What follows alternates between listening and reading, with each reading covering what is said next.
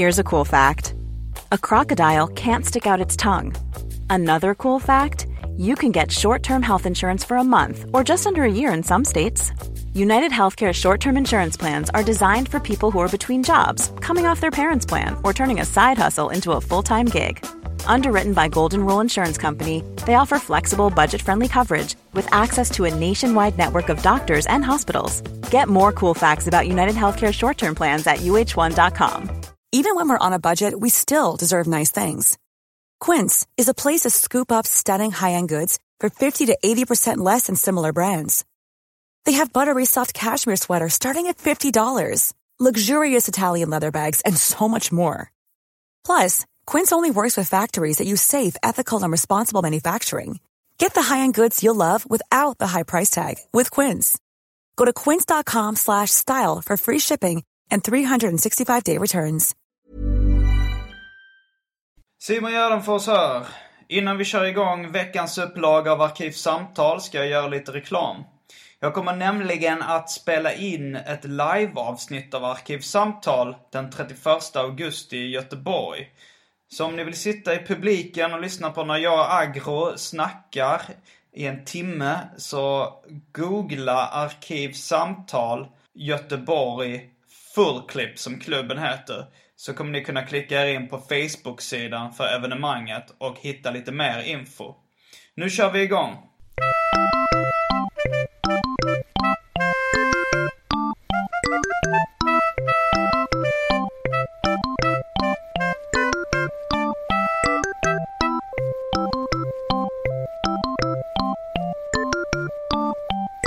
Hej och välkomna till Arkivsamtal avsnitt 4.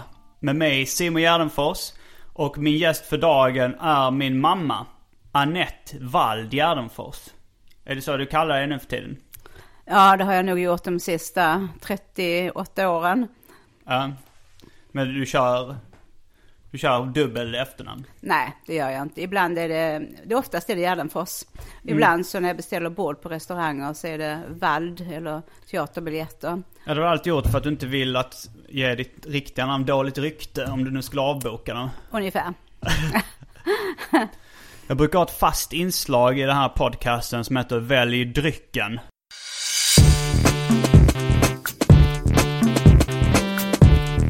Jag tror vi börjar med Välj drycken!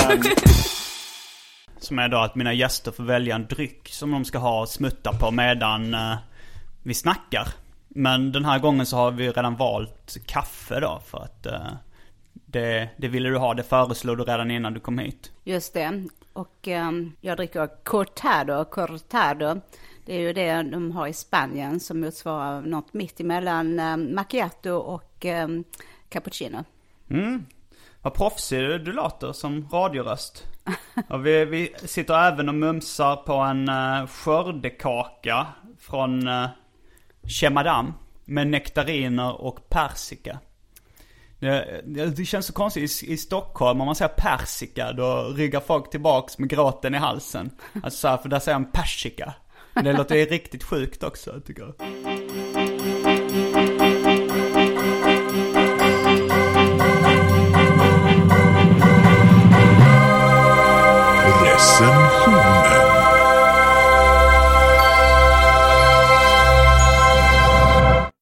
Vad, vad, tycker, har du, vad tyckte du om skördekakan? Ja, den var jättegod. Och där är såna cashewnötter och eh, några russin och någon pepparkaks, mjuk pepparkakssmak också. Mm. Sesamfrön kan jag också säga. Den är suveränt god. Mm, då gick vi även in på det andra inslaget som är recensionen. Som jag har gjort som ett fast inslag, att man ska recensera någonting i varje avsnitt. Så då har vi betat av både välj drycken och recensionen i en kort handvändning. Men eh, det här är också någon slags självbiografisk podcast. Jag har gjort självbiografiska serier innan. Och eh, jag ska berätta rätt mycket om mig själv. Så då tänkte jag att vi, det kan vara bra att intervjua dig för du har ju varit med från början. Hela min uppväxt. Men vi kanske ska börja lite med din, din bakgrund. Jag kan ställa frågan som Kristoffer Triumf alltid ställer i Värvet när han, han intervjuar sina gäster. Vem var du i skolan? Ja, det är en bra fråga faktiskt. I skolan var jag eh, ganska udda. Eh, På den tiden, på 50-talet när jag började skolan, eh, så fanns ju, var ju alla svenska lintottar. Och det var ytterst få invandrare i, i Sverige. Och jag tror det fanns en italiensk flicka på min skola. Och så var det jag då som, var, som är judinna och eh, hade då lite avvikande utseende. Tredje generationens invandrare är du, va? Eller an... Jo, tredje skulle man väl kunna säga. Eller Ja, skulle man kunna Dina, säga. dina morföräldrar från Ukraina. Ja, precis. Mor och farföräldrar från Ryssland och Polen och eh, Litauen. Så att de är ju eh, alla därifrån. Min mormor och morfar och farmor och farfar var ju definitivt inte svenskar. Nej. Och de kom till Skandinavien. Min mamma är ju född i Danmark. Och eh, så de växte upp som andra generationen och eh, med ett språk hemma som heter jiddisch. Eh, Så mm, din morfar och mormor, de, deras första språk var ju faktiskt jiddisch när de eh, växte upp. Men de pratar inte jiddisch när de träffar varandra väl? Nej, nej, sen, sen lärde de ju svenska. De, eh, Danska. Lärde, svenska och Mormor danska. kan ju inte så, hon pratar ju rätt med kraftig dansk brytning Ja. trots sina 70 år i Sverige. Eller vad det är? Ja, precis. 80 år i Sverige Det kanske. gör hon. Man hör hon är dansk. Men de, de har ju liksom sen, din morfar är ju född i Sverige och hon är född i Danmark. Så om man kallar det invandrare, det vet jag inte. Så att jag kan väl känna mig som tredje generationens invandrare. Men det du är rätt. var eh, liksom den enda kulturberikaren förutom den italienska tjejen. Det kan man nog säga faktiskt. Jag, förstår inte hur någon skulle uttryckt det så på den tiden.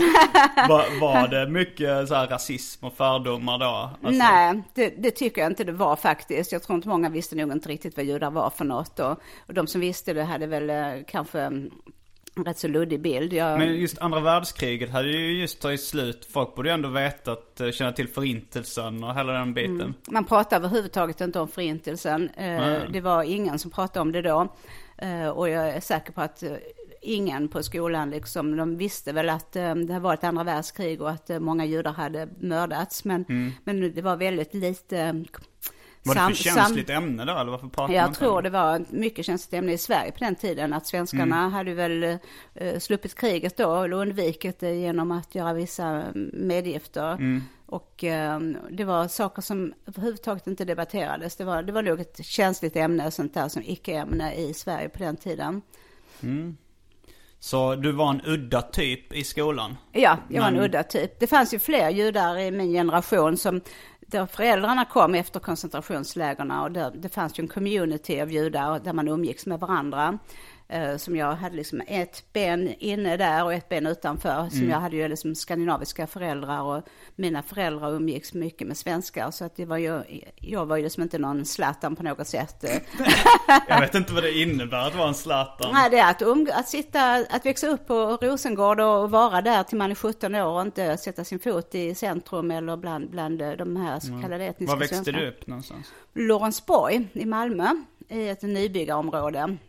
Som Är då- det, vad är det för sorts område? Så här, är det rikt eller fattigt? Nej, eller? nej, det var eh, lite lägre medelklass skulle jag nog kunna säga. Mm. Eh, Det var, vi hade ju mm, ingen god ekonomi utan det var ju som att man fick eh, nätt och jämnt livet att gå ihop ekonomiskt och, vara sparsam och verkligen se, vända på slantarna. Men till, tillhörde du de rika barnen eller de fattiga barnen eller medel i din klass? Liksom? Var- Jag tror det var ganska medel. Okej. Ja. Hade, du, hade du mycket kompisar i klassen eller? Eh, lite grann. Jag tyckte själv inte att jag hittade några bra kompisar i klassen. Jag kände mig lite utanför rätt ofta. Vad hade du för intressen då? Eh, Det var väl det som var problemet. Jag hade inga intressen överhuvudtaget. jag, jag eh, försökte vara duktig i skolan och det var liksom det budskapet jag fick hemifrån att jag skulle vara duktig i skolan och det, det var jag väl hyfsat duktig. Jag var inte något geni alls. Men jag var duktig på matematik och det, det var väl lite kul och lite udda att vara det som tjej. Det har jag tyvärr, tyvärr inte jag eh, ärvt. Jag var ganska strax under medelmåttig på, på matte. Men vi, i det här podcasten pratar jag ganska mycket om populärkultur. Så kollade på tv liksom, vad var det för tv-program som, tecknade serier, tv och sånt är ett eh, ämne som ligger mig nära Jaså? om hjärtat. ja, ja. Uh, nej men tvn kom ju när jag var barn, så det var Mm. ju rätt spännande. Det var ju liksom inte många som hade tv från början och de som hade liksom samlades alla barnen kring och man gick hem till varandra och tittade på tv. Mm. Och ehm, eh, Vad minns du för program? Hylands hörna, minns Mm. jag. Minns du den berömda vitsen han drog? eh, Huka er i, i bänkarna, gubbar och kärringar, för nu laddar han om. Nej, faktiskt inte. det minns jag Det är en inte. känd rolig historia som Hyland drog. Nej vänta, det, det, var, det var nog eh, Sveriges dåvarande statsminister som drog den i, i Hylands hörna. Om det var Tage Erlander. Kan du, ja, det var väl Tage Erlander på den tiden. Det kan ha varit han som drog den. Och 10 000 kronors frågan minns jag också. Mm. Det var ju väldigt spännande. Minns du vilken första tecknade film du sa va? Nej. Du har nämnt Flinta Ja tidigare. just det, det stämmer. Oh, det har jag glömt. Ja. Familjen Flinta, men det var ju jätte, det var verkligen, eh, jag vet inte om det var den första eller, men det var den, absolut den som, som jag minns någonting av och som, som jag, man absolut inte ville missa. Var det svartvitt då? Det, det var det ju. Och det var ju, det var ju hake, de hade målat gubbar på en mans haka. Ja, Humle och Dumle. Humle och Dumle, ja. Mm. Ja. Och ja, Humle och Dumle, jag blandar ihop. Fred Flinta och Humle och Dumle, det var två olika. Just Fred, det. ja, ja, Hakgubbarna, det var, ju, det var Humle och Dumle, ett barnprogram. Och Ja. Fred Flinta var tecknade. Ja, just det. Ehm, det stämmer. Nej, men det var, de var bra. Det var ju de jag minns nu när du säger det. Ehm, Läste du serier också? nej, det gjorde jag inte. För någon gång har Kan- du nämnt att du gillar Lilla Fridolf. Ja, det är när jag kom över den så tyckte jag den var rolig. Vadå, du hittade det hos någon kompis? ja, det va? var hos någon kompis eller någon veckotidning eller någon, någon som hade den hemma och så. Men jag köpte väl inte den. Men den tyckte jag var rolig. Nu läste jag den här, liksom den låg i närheten. Mm. Och, eh, och du har bott i Malmö i stort sett hela ditt liv, sen Hjärup och sen Lund, eller? For, fortsätt berätta om, om ditt liv, livshistoria. Fram tills att jag föds. Ja, ja men om, jag vet inte om det är intressant ur eh, populärkulturperspektiv, men eh, vad, jag egentligen, vad jag tyckte var roligt att göra, det var klippdockor. Det är ju populärkultur om något. Ja, det tyckte jag, det la jag jättemycket tid på. Jag älskade att rita kläder själv och klippa och designa kläder till klippdockor. Så det gjorde jag jättemycket. Det var nog den största hobbyn jag hade. Och det, men sen, sen blev det inte, men matte blev som en hobby också för dig? Nej, Matte- nej, det kan jag inte påstå. Nej, nej, det var ett skolämne. Eh, nej, jag var inte sån som höll på med matte utanför skolan, utan bara det var lätt och jag tyckte det var roligt och jag blev lite sådär stolt över att vara duktig i det. Så det var liksom skolämne. Men, men uh, klippdockor, det var liksom det intresse som jag tyckte var väldigt kul. Det som ska, enda skapande liksom, där jag fick vara lite kreativ. Mm. Hur var du sen som tonåring liksom i eh, din rebelliska ungdom? Om du nu var rebellisk? Ja, det var jag senare. Första tonårstiden var jag en tjockis och led Hur väldigt mycket. tjock snackar vi? Alltså inte så, så jättetjock. Var men... du, men du var en av de tjockare i din skolklass eller? Ja, jag, jag minns inte någon annan. Som, man, man är så himla fokuserad på sig själv i den åldern. Så jag, jag vet bara att det fanns sådana jättesnygga tjejer som var fotomodeller och som var väldigt stöddiga. Och, så, och jag kände liksom att jag eh, kände mig tjock och ful bredvid dem. Och, eh, nej, men det var min tidiga tonår. Då, då var jag tjock, för tjock och led av det. Vi har pratat mycket om, och även om snacks och godis och, och liknande sånt där. Vad, vad var det, vad byggde din fetma på? Jag tyckte väldigt mycket om det var spettkaka. Ut, hur uttalade du det på den tiden? Alltså den skånska uttalet är, har man hört är spiddikaga. Ja, Vad du sa bred Nej, i din... nej, det du var sa jag inte. spett- en jag sa spettkaka, spettkaka. tack. Ja, ja. Eh, Det tror jag. Jag har ju fått lite mer vårdad eh, skånska sen dess, men, Mm. men jag tror inte, spiddikaga har jag nog aldrig sagt. Men du gick till liksom kondis ibland och köpte Ja. spettkaka. Ja, det kunde jag göra när jag var riktigt sugen. Fanns det eh, snacks och godis liksom? Inte lösgodis, utan man gick till kiosken och så hade de liksom i små skålar och så kunde man säga två cigaretter, en eh, cola, en sån och sån cola och en bit eh, choklad av den och den sorten. Så fick man liksom plocka dem åt en. Det var det sättet man handlade på på den tiden. Ja, ja, men det var det faktiskt när jag var liten också. det var det. Alltså det, det var lösgodis kom lite senare. Det kom så här på 80-talet någon gång. Aha. Alltså först var det där kiosken i Hjärup man, Ja, just det. man eh, köpte på. Eh, Jag, jag berättade i första avsnittet om första gången jag smakade potatischips. Eller första gången jag upptäckte vad det var. Minns du när du upptäckte den sortens snacks? Nej, det gör jag inte. Jag minns eh, när jag upptäckte pizzan. Gjorde du det? Ja, men det var i USA när vi bodde där. Va? Var det så sent? För den Ja. kom ju till 70-talet i Sverige. Eh, pizzan. Men det kanske inte kom till, eller du kanske inte upptäckte den. Jag tror inte det. Alltså, Alltså när, när var det vi var i, i USA? Ja, det var ju första gången då Nu när... kanske vi går lite händelserna i förväg. Men berätta i alla fall om, om när du upptäckte pizzan. Nej, det är nog inte så intressant. jo, jo. Stå, Ja, skit det- i vad som är intressant. Ja, nej, men vad, vad, vad jag minns det var den här stora pizzan som, vi var ju hemma hos en familj. Det var när du... Tönnisons. Ja, precis, Tönnisons. det måste ha varit um, 84 ungefär. Ja, jag minns det mycket väl. Det var då första gången jag spelade Pac-Man. Tror första gången jag, kanske första gången jag spelade dataspel överhuvudtaget. Ja. Om det var innan vi fick en Commodore 64. Uh, Okej, men Tönnisons var de så intresserade. Nej, det var jag, alltså jag kanske stött på pizza tidigare, men det har jag inget minne av. Men mitt starka minne av pizza, det var att vi var hembjudna till dem. Och de hade beställt pizza, de varit ute och köpt färdig pizza som var jätte, jättestor. Family pan- pizza. Som, Ja, precis. Där man då skar sådana här tårtbitar av. Var det deep dish, alltså sån här panpizza eller var det, var det tunn? Den var tunn. Okej. Tunn. Och eh, jätte, jättestor. Och jag tyckte det var liksom eh, så imponerande. Jag tänkte de måste vara jätterika. Och det var de i och för sig. Ja, men jag tror ändå en family pizza om man delar det så blir det är inte så farligt dyrt. Alltså. Men det var, det var roligt då. Jag tror den USA-resan var lite då jag fick smak för skräpkultur, populärkultur och sådär. För att först i Sverige var jag så svältfödd på det. Som det fanns två tv-kanaler och inte, inte mycket populärkultur alls. Och sen så fick jag liksom bli duschad i Ja, när jag ja, kom ja. till USA. Och sen kom tillbaks till Sverige efter ett halvår.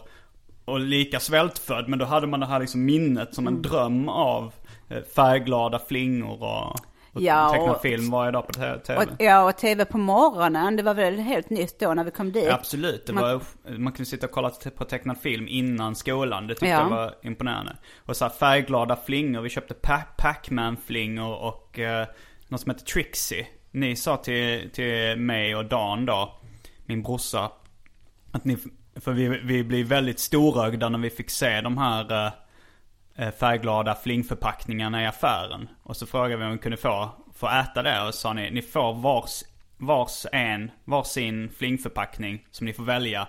Och sen får ni äta nyttigare frukost. Och då valde jag Pac-Man-flingorna och Dan valde Trixie.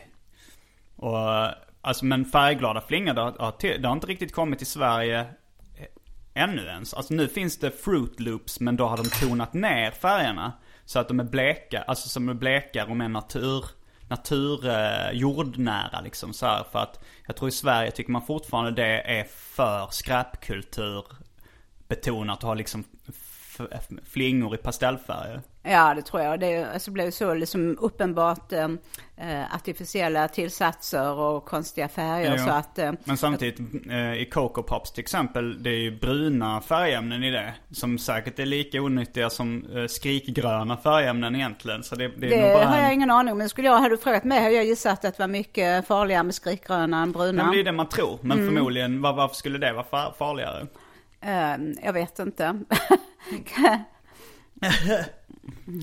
Men eh, okej, där, vi, där vi lämnade dig sist så hade du just eh, ätit spettkaka och var en småfet yngre tonåring. eller? Exakt, ja. Vad hände sen?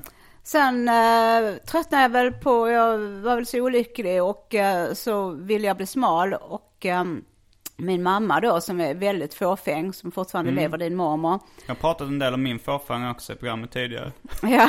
Så nu, nu får vi höra rötterna till den. Ja, det måste vara hon. Hon var ju Mm. väldigt tjusig på den tiden. Hon gick alltid i högklackade, riktiga skylhöga skor och snygga dräkter och, och väldigt intresserad av kläder och mode och så. Och hon led nog minst lika mycket som jag var, ha en dotter som, som var tjock för tjock. Och, Vi träffade ju mormor innan idag eh, och hon var ganska förvirrad och eh, hade tappat sina nycklar. Men hon, hon snackar ändå om så att hon skulle ha ett på matchande svarta byxor till sin nya tröja. Hon är Ja. 91 eller vad det är. Mm.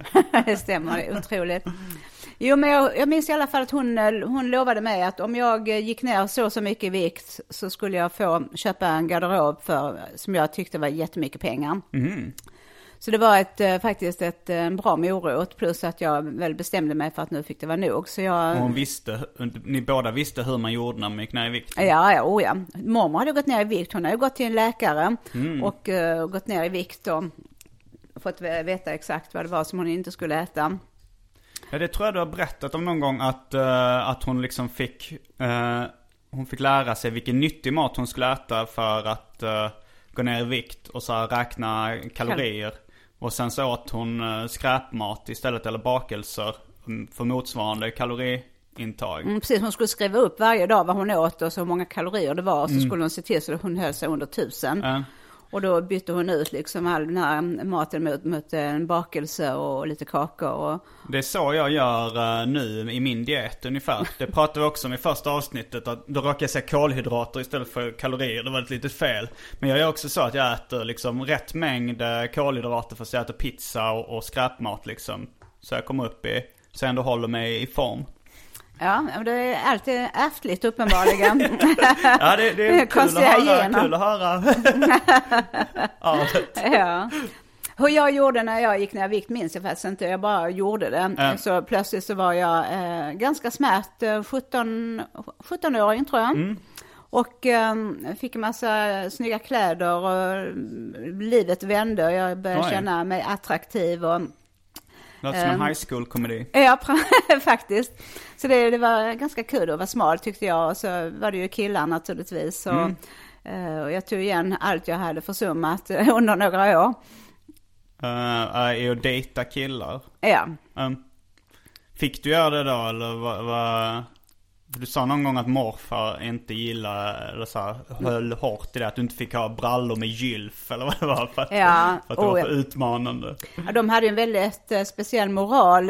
Jag känner igen mycket när man läser om hur de här, många av de mus- muslimska ungdomarna har det idag. Att man får i sin uppfostran en, en helt annan eh, moral än den som alla andra har runt omkring en. Så du, du tror att det var en judisk grej liksom att ha lite högre moral på det sättet eller?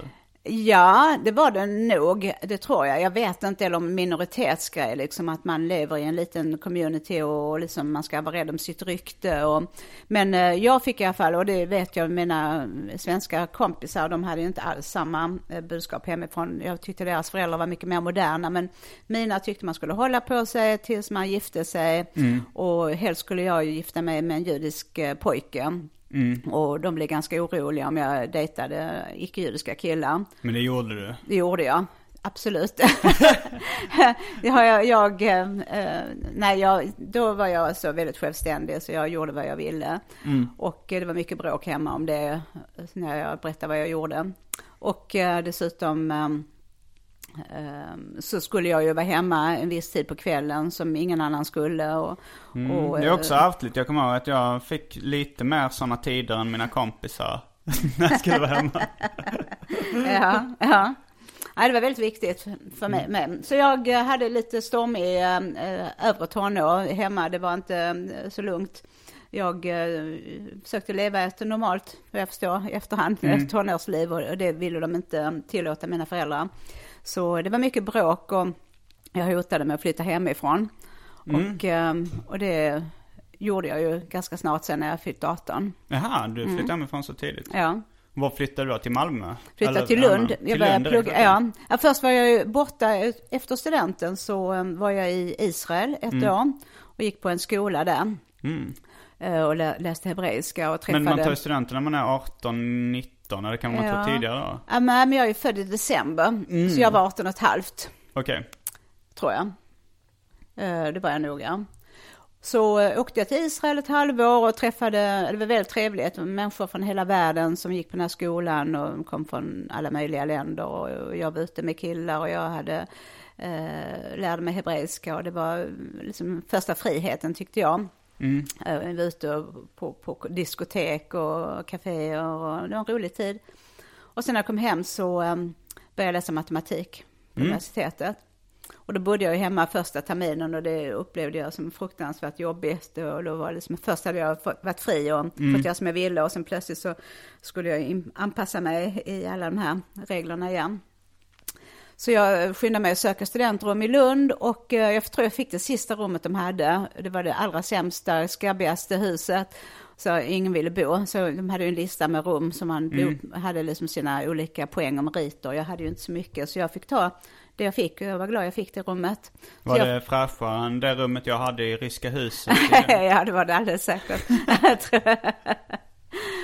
Så då flyttade jag in där. Mm. Och, eh, och så, just det, jag hade ju träffat en kille redan innan jag åkte till Israel, när jag gick i gymnasiet, som inte var populär hos föräldrarna.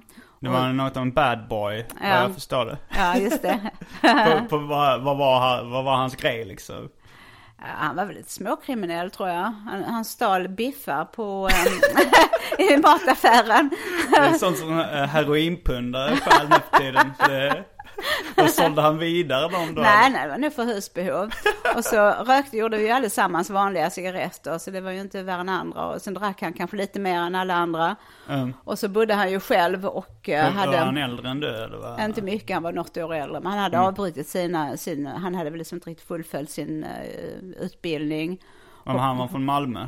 Nej, han kom från något annan, norrifrån någonstans. Han, han var inte infödd Malmöbo, men han bodde i Malmö då när vi träffades. Vad hette han? Ja, det tänker jag inte avslöja. jag tror, tror han lyssnar på Arkivsamtal. ja, det gör han säkert. ja. Nej, men eh, så jag fortsatte att träffa honom när jag kom hem från Israel och mina föräldrar var förtvivlade för de visste ju vem han var liksom och tyckte att... Hur visste de vem han var? Nej, de, jag vet inte. De hade, jag hade väl, han var ju med på min student och så mm. va, så de hade ju träffat de sa honom. att han hade skinnjacka. Och... Ja, precis. Hade han skinnjacka? Ja, det hade han. Hade han polisonger? Ja. alltså han ser ut ungefär som en Grease-person. Som ja, just det. Ja, ja, ja. Ja, det kan man säga. Ja, jo, Gänget och jag. Mm. mm. Jo, han var rolig. Vi hade kul. Mm. Mm. Så, ja, så fortsatte jag träffa honom och i stort sett bröt med mina föräldrar. Ah, du tappade kontakten med dem då? Nej, men vi ringde varandra väldigt sällan och mm. de kom inte hälsa på mig och kom inte hälsa på dem.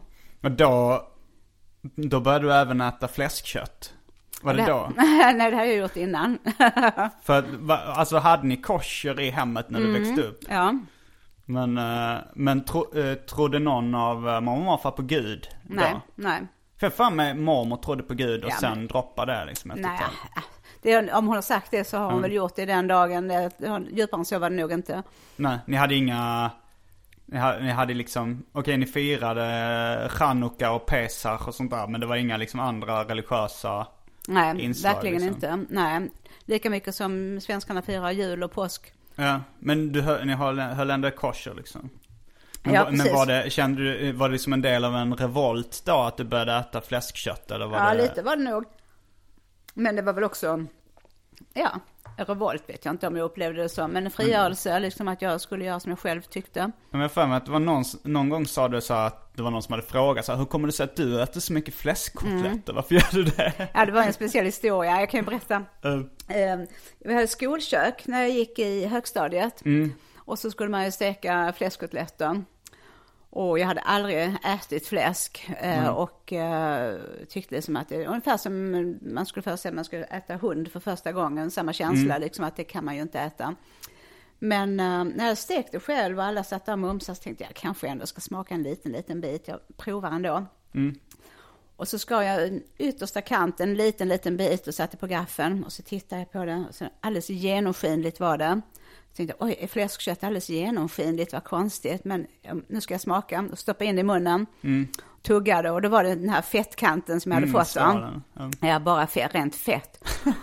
och jag tyckte det smakade jätteäckligt och spottade ut. Tänkte aldrig mer jag ska äta fläskkött. Mm. Och det gjorde jag då inte heller på eh, ett par år till. Och sen eh, när jag kom till Lund sen och bodde på korridor mm. och skulle laga min egen mat så upptäckte jag på något sätt att fläskkött var faktiskt riktigt kött och inte bara fettet. Och, och började äta, smakade och då tyckte jag det var jättegott. Mm. Och, och, då började jag äta det ganska ofta. Mm. Jag tyckte som att det var väldigt lätt att göra, väldigt gott och lite spännande och så.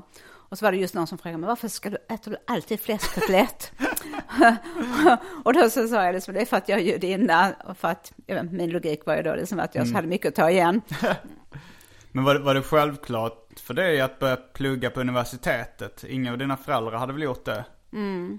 Men... Uh, ja, det var nog en uh, dröm som jag hade. Kanske det var en um, väldigt um, fantastisk möjlighet som jag upplevde det. Jag tyckte det här med student, att få läsplugga och studera och att det var en, eh, jag byggde nog upp väldigt mycket romantik kring det och tyckte att det var liksom en fantastisk eh, värld att komma in i. Mm. Så jag hade det för mig som en, det var ingen som tryckte på eller, utan jag ville det väldigt, väldigt gärna. Jag kommer ihåg när jag gick i gymnasiet så jag gick in till Lund en gång med en kompis och så satte vi oss utanför domkyrkan och tittade på studenterna och i solen satt vi där och såg vi studenterna som gick runt med sina böcker och pratade. Och så, hade de studentmössor på sig på den nej, tiden? Nej, nej, nej, det hade de inte. Men, men um, Lund var ju väldigt mycket, nästan alla unga var ju studenter, eller är.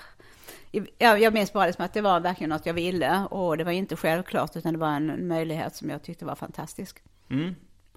Och det var i Lund sen du träffade min pappa. Just det.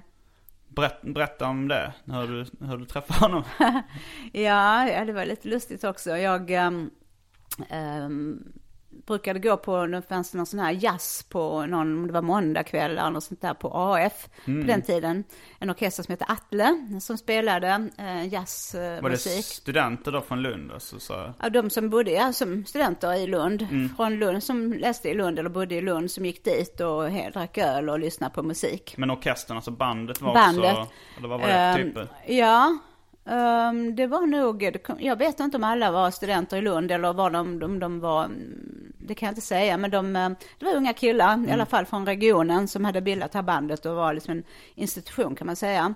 Mm. De spelade alltid, det var Atle, det var just dem och de var bra. Så där hängde jag på måndagar. Mm. Uh, och om det nu var måndagar. Och man kollade in killar naturligtvis och så fick jag syn på någon som jag tyckte var väldigt snygg. Mm. Och det var din pappa. Mm. Och uh, vi tittade lite, så smygtittade lite på varandra och liksom nickade till varandra ungefär när vi såg, men vi kände ju inte varandra då. Mm. Sen uh, var det, så var det, jag skulle läsa matte på tredje terminen tror jag det var. När det var någon sån här upprop, uh, först uh, introduktion, man mm. kom till, till institutionen och skulle liksom få sina kurser och hur det nu var. Mm. Och då hade jag läst matte redan då, nej, det var min andra termin. Jag hade läst matte en termin. Och eh, jag gick dit. Och nu börjar jag bli osäker om det var matte eller datalogi. Det var faktiskt inte matte utan det var det som heter numerisk analys. Som numera skulle kallas eh, eh, dator, datorteknik. Mm. Inte systemet, utan mer matematiskt. Mm. Systemvetenskap var lite mer, eh, det behöver man inte kunna så mycket matte för. Men datalogi var, byggde mycket på matematik. Mm. Och det hette numerisk analys på den tiden. Okej, okay, då läste du för att du gillar matte? Ja, precis. Mm. Uh, så det var efter, först läste jag matte, sen läste jag numerisk analys. Och då plötsligt dök Peter upp där på den här introduktionen också, som bland studenterna. Mm. Och vi hade som bara sett varandra ungefär på på Atle, så vi kände igen varandra. Mm. Och då eh, satte vi oss bredvid varandra och började prata lite och visade att han skulle läsa samma kurs, eh, fast han var en termin före. Mm. Och, eh, och sen så, så föreslog han att vi skulle jag tror vi träffades en gång till där på samma sätt och sen tyckte han att eh, jag skulle hjälpa honom med läxorna.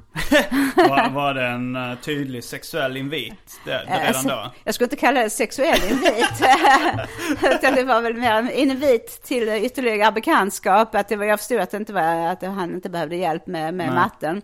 Utan det var väl lite roligt. Men, mm. Så, det var en, det var, så han skulle bjuda mig på pizza. Va? Ja. Det, okay, det, så det var ju inte faktiskt, jag har fel i minnena så att han bakade. Ja, det var ju långt innan USA-resan. Ja, det var långt innan USA-resan. Så han bakade Visste pizzan. Visste du vad pizza var då när han sa det? Ja, han, bak, han skulle baka pizzan själv. Aha. Ja. Så han skulle bjuda hem mig på pizza och så skulle jag hjälpa honom med matten vad vi har deal. Mm. Och, och så skulle vi bestämma dag och, eller kväll och um, och då kunde han inte, då var det en dag som han var upptagen, kunde inte, men vi tog någon dag, en vecka senare eller så, vi skulle mm. träffas. Och ehm, ja, Jag, jag, eh, den här veckan, under den här veckan så skulle jag gå på bio med en kompis i Malmö. Så jag åkte in till Malmö på Spegeln, det som idag är på Stortorget, heter Spegeln. Det heter något annat då. Men det är den stora, stora, största biografen i Malmö. Och, ehm, eh, och det var just den där kvällen som Peter har sagt att han inte kunde. och när vi stiger in där i foajén så sitter Peter där med en tjej. Och ska gå på bio med henne och jag var där med Siv. Okej, men du... eh, tyck, men du tänkte så att när han har bjudit in dig så var det liksom som en dejt? Det var ingen Ja. Mm. vänskaplig grej? Så du blev lite sotis då eller liksom Ja, tänkte... lite sådär han- undrade lite Ja. grann ja. Vad var det för film?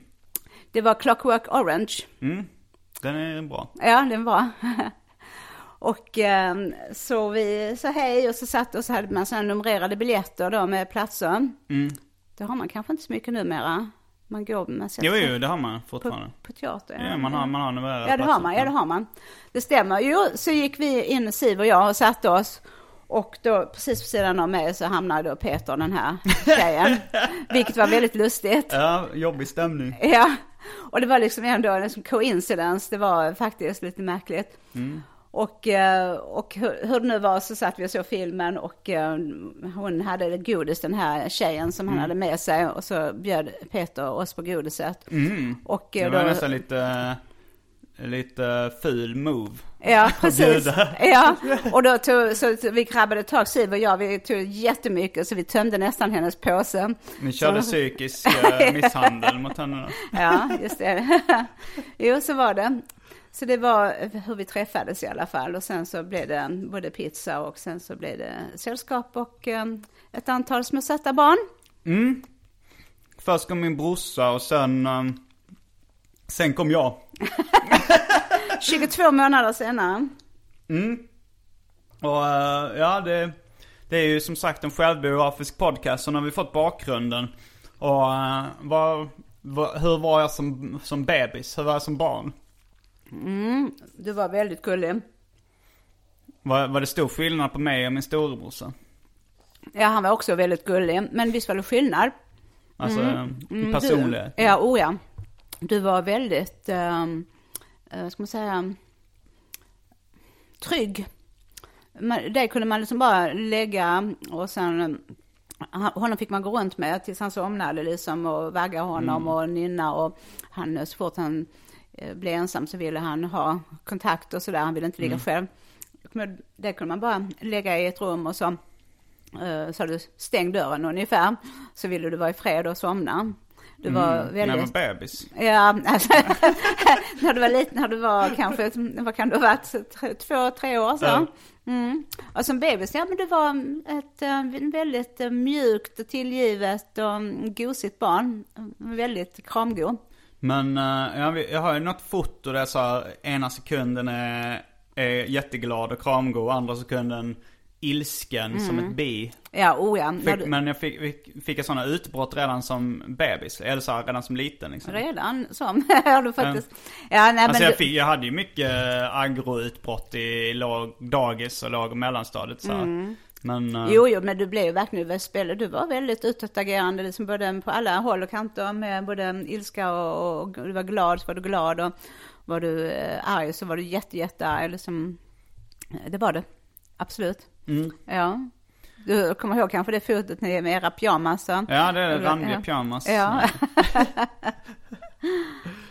Men eh, när, eh, när började jag teckna och, och hålla på med serier? så- Eller teckna, rita liksom? Du, sen du föddes i stort sett, alltså du har ju alltid ritat. Eh, Jag kan inte minnas när du började, för det fanns ju alltid penna, papper och kritor hemma. Och, eh, och du älskade, man behövde aldrig ta med sig leksaker när man skulle någonstans, utan du bara rita, rita, rita. Papper och penna, så, så var du nöjd. Och du gjorde böcker och, Ja men det, det var ju lite ändå ditt eh, initiativ att vi skulle göra de här uh, sagoböckerna och sånt där. Ja, kanske det var. Mm. Du har ju ändå lite det, den grejen att så här, skriva sagor. Du hittar på sagor åt oss. Vad hette de nu igen? Först, berätt, först berättade du kanske Pelle-sagorna. Bang och bång. När det var till Rebecca, eh, min lilla syster, då, berätt, då berättade du om eh, Magnolia. Magnolia, Du ja. hittar på sagor om en flicka som heter Magnolia som på vintern var hon elak och på sommaren när magnoliablomman slut så blev hon snäll. Och det kunde vara rätt snabba skiftningar att så här, blommorna kunde slå ut. Det var nästan som liksom Hulken. Eh, att när blommorna slut så blev hon jättesnäll snabbt och sen så slutade hon blomma och så blev hon uh, ondskefull. Och, det, och sen hade hon två bröder som hette Bing och Bong som alltid slogs. Som var baserad på mig och Dan då. ja, just det. Men jag tror, det, det var nog när Rebecca föddes vi började berätta dem. Men innan dess, nej det var kanske mest morfar som berättade Pelle. Ja, morfar hade ju Pelle, det berättade han för Mm. mig också när vi var små. Så det har han kört i alla åren om Pelle, ja. Men eh, ja, det, en av de vanligaste frågorna jag får i intervjuer eller när folk så här, frågar om mina serier eh, är så här, vad tycker dina föräldrar om det? För att det är så här mycket skandalösa grejer. Så nu nu kan vi ställa frågan direkt till dig. Vad tycker du om, om mina serier? Ja, de varierar ju. Eh, Det är ju vissa är ju så för grova för mig. Eh, Den där skämtboken du gav ut. Nybuskis. Ja. Den, den till exempel var jag bara bläddra i den tänkte jag den vill jag inte ha. Vad var det något speciellt skämt du Nej, jag minns då? Inte. Men när det är sån här, ehm, jag vet inte, när det är mycket under bältet och liksom, eh, nej jag vet, jag tycker att, Har du aldrig haft eh, eh, grov eller vulgär humor? Har du aldrig Eh. uppskattat det? ja, det kan du nog bättre svara på än jag. Jag, kommer, jag, jag minns inte riktigt. Det, jag skulle nog säga att du inte har speciellt vulgär humor. Du, är- du, är, inte så, du är inte så pryd. Alltså så här, du kan nog ändå skämta lite om sex och, och sådär. Du har nog generat mig och mina syskon lite med kanske lite så här, "Haha, några sexskämt. Jag kommer ihåg till exempel när vi var, eh, när vi skulle åka hiss i Dans lägenhet. Och så, så stod det så här max sex personer i hissen. Så sa det så här. Sex i hissen, det kan du göra en, en raplåt om Simon. så du, du är ju inte pryd på det sättet. Men du, men eh, du kanske ändå inte är så här vill chockera folk med, frivilligt eller uppskatta liksom. eh, Ja, alltså, det som jag skulle kat- kategorisera som grov eh, humor eller som, som eh, anal humor eller Mm. Anal bajs eller jag vet inte vad jag ska kalla det. Men alltså när det, nej, jag, jag vet inte vad, det, det, det kan jag inte själv bedöma. Men, jag tycker ju att det är ju vissa saker som jag eh, tycker är för grova eh, i, i denna serie. I, när det gäller sån här humor. Va? Eh, men eh, sen är det ju, de flesta av dina böcker är ju, tycker jag är jättefina och, och liksom roliga och bra gjorda på alla, både på, alltså, ord och bild. Så det uppskattar jag jättemycket. Sen det självklart som Simons 120 dagar där du, eh, när det med drogerna, Mm. och det är ju inget nytt för dig, det, det gör mig ju, har ju gjort mig väldigt orolig. Minns du när du först insåg att jag eh, använde knark ibland? Nej, inte precis när jag först insåg, det kan jag nog inte säga vilket moment det var i livet. Men när du till exempel hörde Las Palmas texter om knark eller läste Turist som är mycket knarkinslag i. det- Trodde du, eh, trodde du att det var påhittat då? Eller vad tänkte du? Nej, jag vet faktiskt inte. Det är svårt att säga. Jag hoppades nog att det skulle vara påhittat, men jag var ju väldigt osäker. Så det, det kan jag nog inte säga. Har du själv eh, använt droger någon gång? Jag vill inte sitta och lämna ut mitt privatliv här. Jag tror lyssnarna förstår svaret i så fall. Och då, Av, då kommer- av misstag kan jag säga. jag, jag vet ju svaret så jag vet att det inte bara var misstag. Men, men det, jag, tror ifall du berättar ärligt om det så tror jag, tror jag att ingen skulle bli upprörd eller så ingen tycker det är konstigt liksom. Jag tycker jag ska berätta ärligt om det. Ja. ja det gör jag det. Mm. Jag eh, som student så var jag, det var ju i och för sig var det hasch och sånt där för, förekom ju. Och det provade jag enstaka gånger. Och var lite rädd, jag gjorde det tror jag, två, tre gånger eller så. Eh, Men eh, sen skulle jag åka på, till Mallorca på en sån här charterresa. Och eh, hur det nu var, åkte jag med en kompis som jag kände ganska lite. Ja. Eh, Men vi åkte iväg. Och så var det ju många som sa, när du är i Spanien så passa på att köpa, de har sådana bra bantningspiller. Eh, Det går inte att få tag på i Sverige. Eh, Och, och jag har ju alltid försökt, efter min, mina tjockisår, så har jag alltid försökt att hålla igen så att jag inte ska bli tjock igen. Mm. Så tänkte jag, ja men det är kanske bra det med de här bantningspillerna. Det Vad hette de nu? Ja, de hette någonting som, alltså jag minns inte exakt, men någonting med Lucky Luke ungefär. det var som ecstasy-märke. det var någonting med ett sånt konstigt mm. namn. Så jag tänkte jag passar på när jag är i Spanien så gick in på ett apotek och, och köpte en, en, förpackning av de här pillerna. Mm. Och så var jag ju där på stranden och skulle bada och sola. Och, och så tänkte jag, det kanske bäst att ta, jag kan ta en sån här pilla nu, så redan nu, så jag inte äter för mycket, liksom glass och mm. grejer. Så jag tog en sån här tablett och tänkte inte mer på det. Och sen uh, kom jag på plötsligt att att vara ute i vattnet och kasta boll var så himla kul. och, och, jag som tänkte, varför har jag inte tyckt det i Sverige, att det är så roligt att kasta boll i vattnet? Det är ju så fantastiskt roligt. Jag tyckte det var så kul, så kul, så kul. och stå där och kasta boll i vattnet. Och eh, tänkte liksom att det är konstigt jag inte har tyckt det tidigare. Jag kunde inte förstå vad det var. och eh, så småningom så och så, jag var inte sömnig heller. Jag liksom kunde hålla på och dansa och roa mig på kvällen liksom hur länge som helst. Jag blev inte trött. Mm. Och sen började jag liksom fundera på vad är det här egentligen? Varför, varför är det så? Och så jag läste jag på förpackningen. Mm. Och eh, då såg jag att det var amfetamin i. Och du visste vad det var, amfetamin? Mm, ja, jag visste vad det var. Mm. Tänkte jag det, det ska jag nog akta mig för, tänkte jag. Det ska jag inte. Men å andra sidan var det rätt fiffigt det här att um, att jag kunde orka liksom vara uppe hela natten. Tänkte om jag ska plugga och tenta och sådär. Så ibland är det jobbigt när man är så himla trött. Mm. Så det kan jag ha lite nytta av. Så jag stoppade ner den resten av förpackningen i min resväska och tog hem den. Mm. Och, och använder du resten av doserna sen? Mm, liksom? Sparsamt. Jag, Vid partytillfällen eller? Nej, jag var, när jag behövde plugga mycket. Mm. Så jag behövde liksom vänta med att sova. Så jag använde dem mest till det. Mm. Och kunde sitta uppe, jag höll på att läsa, läste numerisk analys då. Och jag satt med en sån här stor räknesnurra som ingen idag, de unga vet vad det är, men om det är någon gammal som lyssnar så är det en jättestor räknemaskin man, man snurrar på. Och jag liksom tyckte det var, när jag hade tagit det där, jag skulle eh, tentaläsa och räkna och så, så tyckte jag det som att det var hur häftigt som helst och kunde verkligen känna att jag hade jag hade bara tio tabletter med mig, eller nio, mm. så jag visste ju liksom att de här ska jag använda vid speciella tillfällen när jag behöver det. Det var det... som dunderhörning. Ja, ungefär. Så var det. Mm. Du använde också när, de kör, när du körde upp, eller skulle köra upp? ja, jag hade ju svårt det här med att ta körkort. Så, äh, först blev jag, vet du, kuggad första uppkörningen.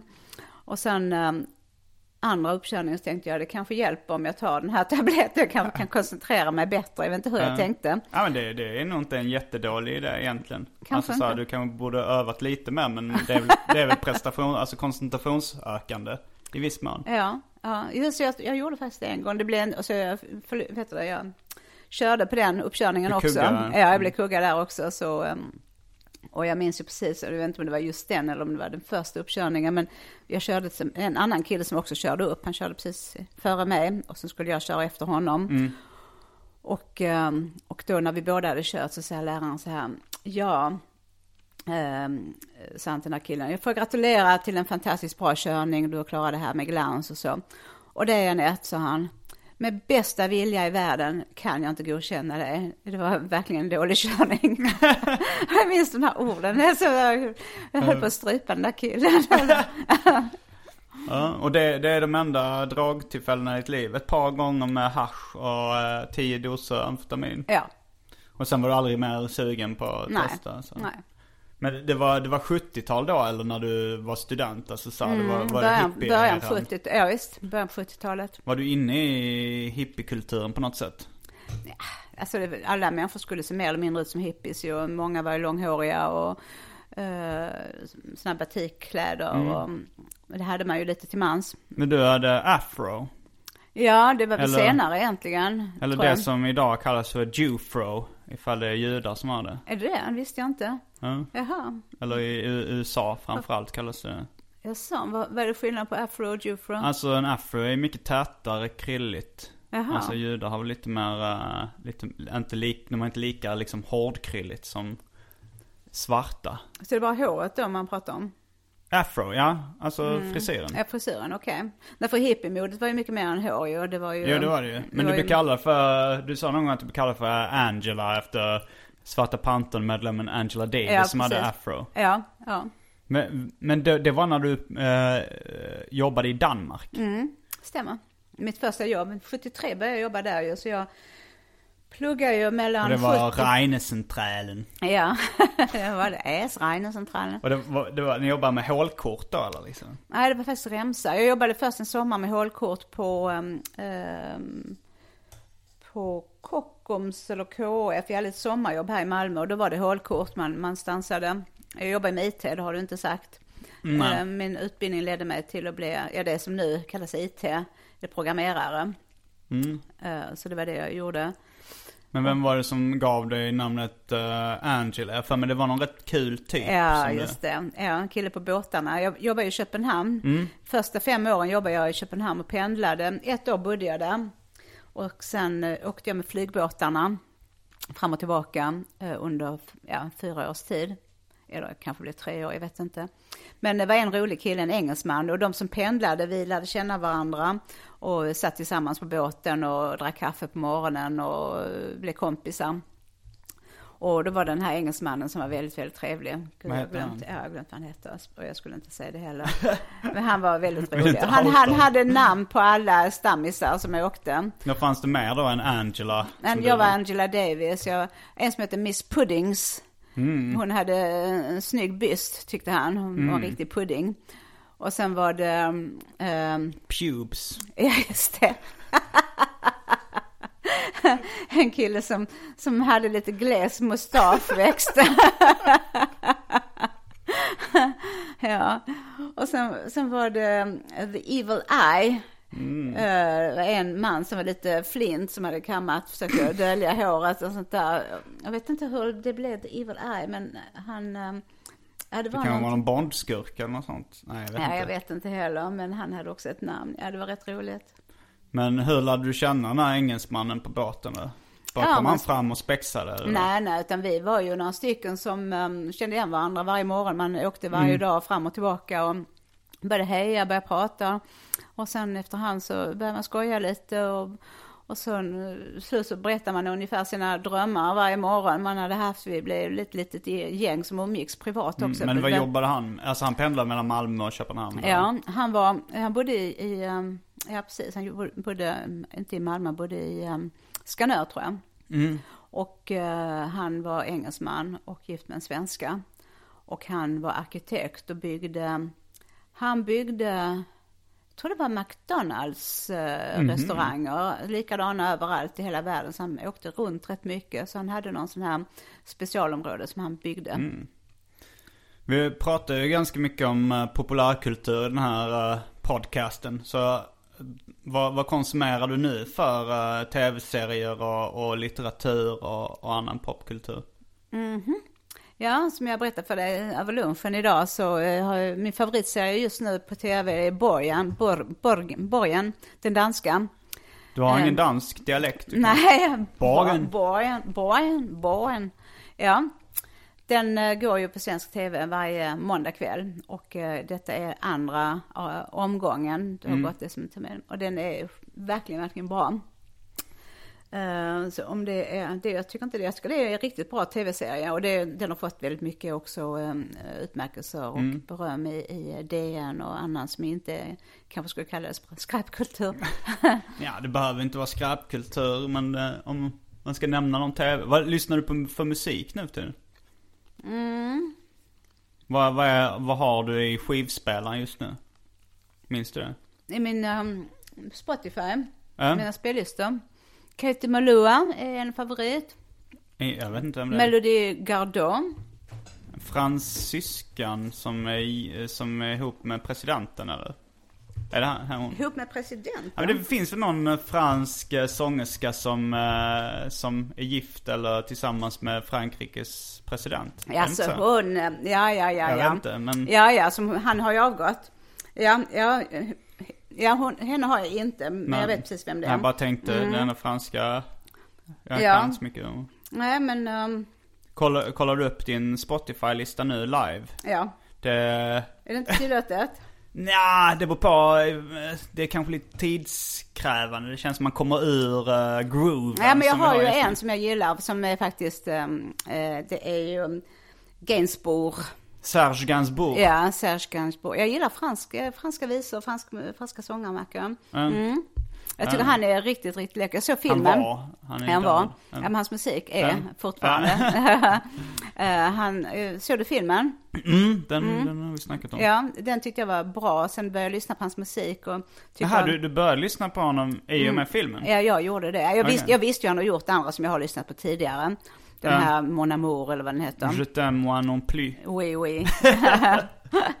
så det, den har jag naturligtvis inte, har inte undgått mig. Men jag har inte riktigt varit kopplat eh, det till hans liv och liksom, jag blev nyfiken på honom när jag såg filmen och så började jag lyssna på mer av hans musik och tycker att de, de är väldigt bra. Och hans, eh, den här frun som, som sjunger den engelska. Uh, alltså, nej, inte Brigitte Bardot. Nej, nej. Alltså hans, vad sa du? En eng, hans engelska fru? Ja. Jag kommer inte ihåg vad hon hette. Hon heter Jane Birkin. Mm. Mm. Hon har en väldigt trevlig fransk-engelsk eh, dialekt som hon sjunger på. Kommer du ihåg när, när jag började lyssna på hiphop och breakdance-musik? Ja, det gör jag ju. Mm. Du började ju dansa, du var ju otrolig som liten. Du var ju sex år, eh, fem, sex år. Så kom du hem och så hade du strumporna, dina eh, vita såna här tennissockar, de skulle vara utanpå byxorna och Jag vet inte inte om innanför. det var någon, eh, jag men vet jag- faktiskt inte du- om det var en hiphop-grej eller om Nej, det var det något var inte mode det. i Hjärup. Nej, men i alla fall. Okej. Så kommer jag ihåg att du gjorde, att du hade liksom kollat upp att killarna, de stora killarna som du tyckte var häftiga då, Mm. de hade det. Så jag tänkte inte på det för när jag såg det. Att du, varför ska du ha strumporna på det? Jo men det skulle du absolut ha.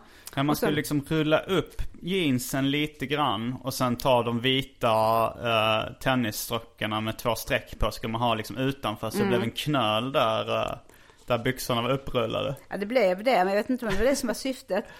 Men, men jag vad tror roliga det, var det att du var så liten och att du hade kollat in vad de stora killarna hade och så skulle du ha det så. Du var väldigt bestämd. Så du var väldigt eh, uppmärksam då liksom på mode och, och på eh, eh, vad det nu var för kultur som, om- som sen säkert var hiphopkulturen, det förmodar jag, breakdance. Och sen var det ju så att du ville, du var intresserad av breakdance. Du minns kanske bättre själv hur det intresset började. Jag tror jag såg det på tv från början. Och sen så gick jag in och, och så jag att de killarna hade typ linnen och sånt där. Så hade, minns jag att jag hade ett linne så gick jag in och försökte eh, göra lite breakdance moves. Men jag gillar nog att dansa, jag gillar nog att dansa alltså i allmänhet. För att jag, så, jag kommer ihåg att jag sett ballett på tv också. Och, eh, och började dansa lite ballett. Men det, det kände, det, det kände, jag fick inte riktigt samma respons då. Du tyckte nog det var lite, lite bögigt eller sådär. Så då om inte jag hade Jag visat- kanske hade varit ballett- Ja, balettdansare. precis. Ja, jag kanske hade varit dansare. balettdansör idag. Nej, men du var ju så liten och, och eh, ville dansa breakdance. Och jag hade ju, på mitt jobb hade jag ju, kommer jag ordnade sådana här eh, familjedagar. Ibland så jag gick in i någon kommitté rättare sagt som ordnade familjedagar där de anställda och eh, fick bjuda med familjerna på någon sorts eh, utflykt och lite underhållning och mat och så. Och då eh, var det ju så att eh, jag försökte få dit någon hiphoppare för du, jag vet En att, breakdansare. en breakdansare. Mm. Så jag, jag fixade till det på något sätt. Jag vet inte var jag såg dem, men eh, jag gick fram och anlitade dem till att komma till den här. Jag jobbade ju på bibliotekstjänst på den tiden. Och det var ju många unga familjer där och det var rätt stort alltså. Så vi, eh, vi bjöd in dem och, och de kom och dansade som en föreställning då. Höll en, en show för, för eh, de anställda familjerna. Ja, det kommer jag ihåg faktiskt. Och det kommer jag ihåg att jag tänkte just för att du skulle få en sån föreställning, att du skulle uppskatta det. Ja. Och, och efter det så skulle du absolut ha en, eh, en träningsoverall som var glansig. Ja, Jag kommer ihåg, eh, jag fick en, en puls. eh, En turkos puls. Det var nog Hennes och Mauritz sportmärke. eh, I så här, ja lite glansig dräkt som, som jag hade sett att, att hiphopparna hade träningsoveraller. Ja, det skulle du absolut ha så du skulle kunna glida. Ja. Och, och, och, sen så, och sen har du nu var så, fick du gå en kurs. De hade, jag upptäckte det där på Crazy Feet i Lund, en dansskola i Lund. De, eh, eller nej, nej, det var hon Nej, det Birgit Wettergren. gick på Crazy Ja, det Feet. gjorde hon sen. Det var Birgit Wettergren Mm. som hade annonserade om en breakdance-kurs. Mm. Och ehm, det var första gången, tror jag, hon skulle prova att ha den. Och jag frågade dig om du ville gå. Och, Mm. och det ville du jättegärna. Och du var, då var du nog sex år, Mm. fem eller sex år.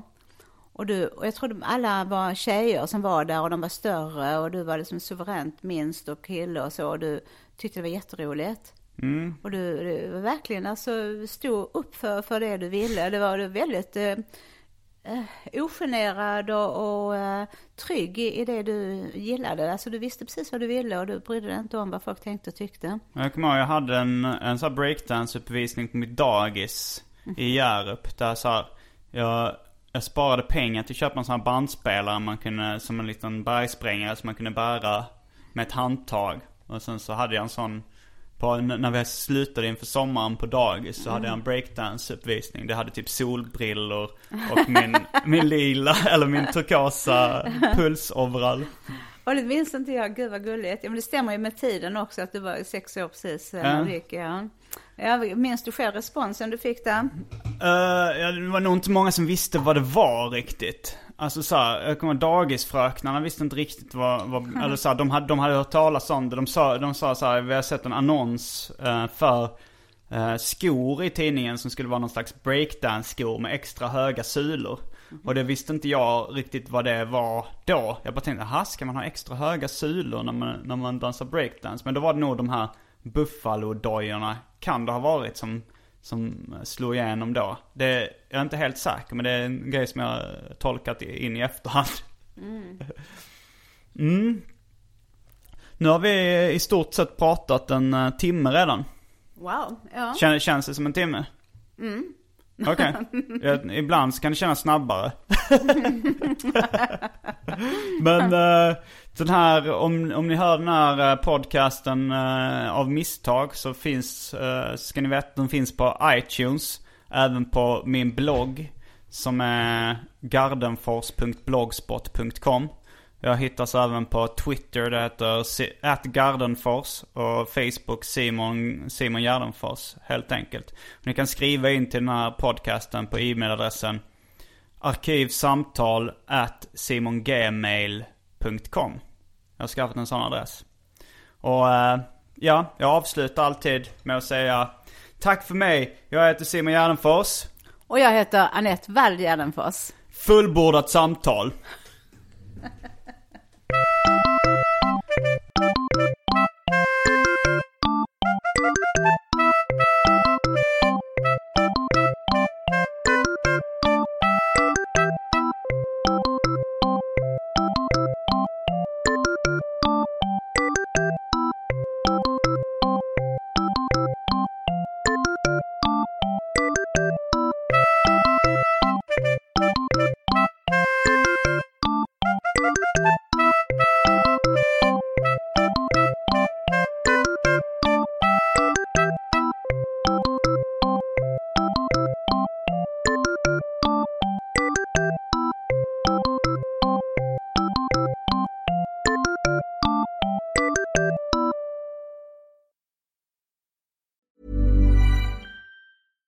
catch yourself eating the same flavorless dinner three days in a row? Dreaming of something better? Well, HelloFresh is your guilt-free dream come true, baby. It's me, Kiki Palmer. Let's wake up those taste buds with hot, juicy pecan-crusted chicken or garlic butter shrimp scampi. Mm. Hello Fresh. Stop dreaming of all the delicious possibilities and dig in at HelloFresh.com. Let's get this dinner party started.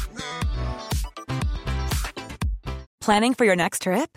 Elevate your travel style with Quince. Quince has all the jet setting essentials you'll want for your next getaway, like European linen, premium luggage options, buttery soft Italian leather bags, and so much more. And is all priced at 50 to 80% less than similar brands. Plus, Quince only works with factories that use safe and ethical manufacturing practices. Pack your bags with high-quality essentials you'll be wearing for vacations to come with Quince. Go to quince.com slash pack for free shipping and 365-day returns.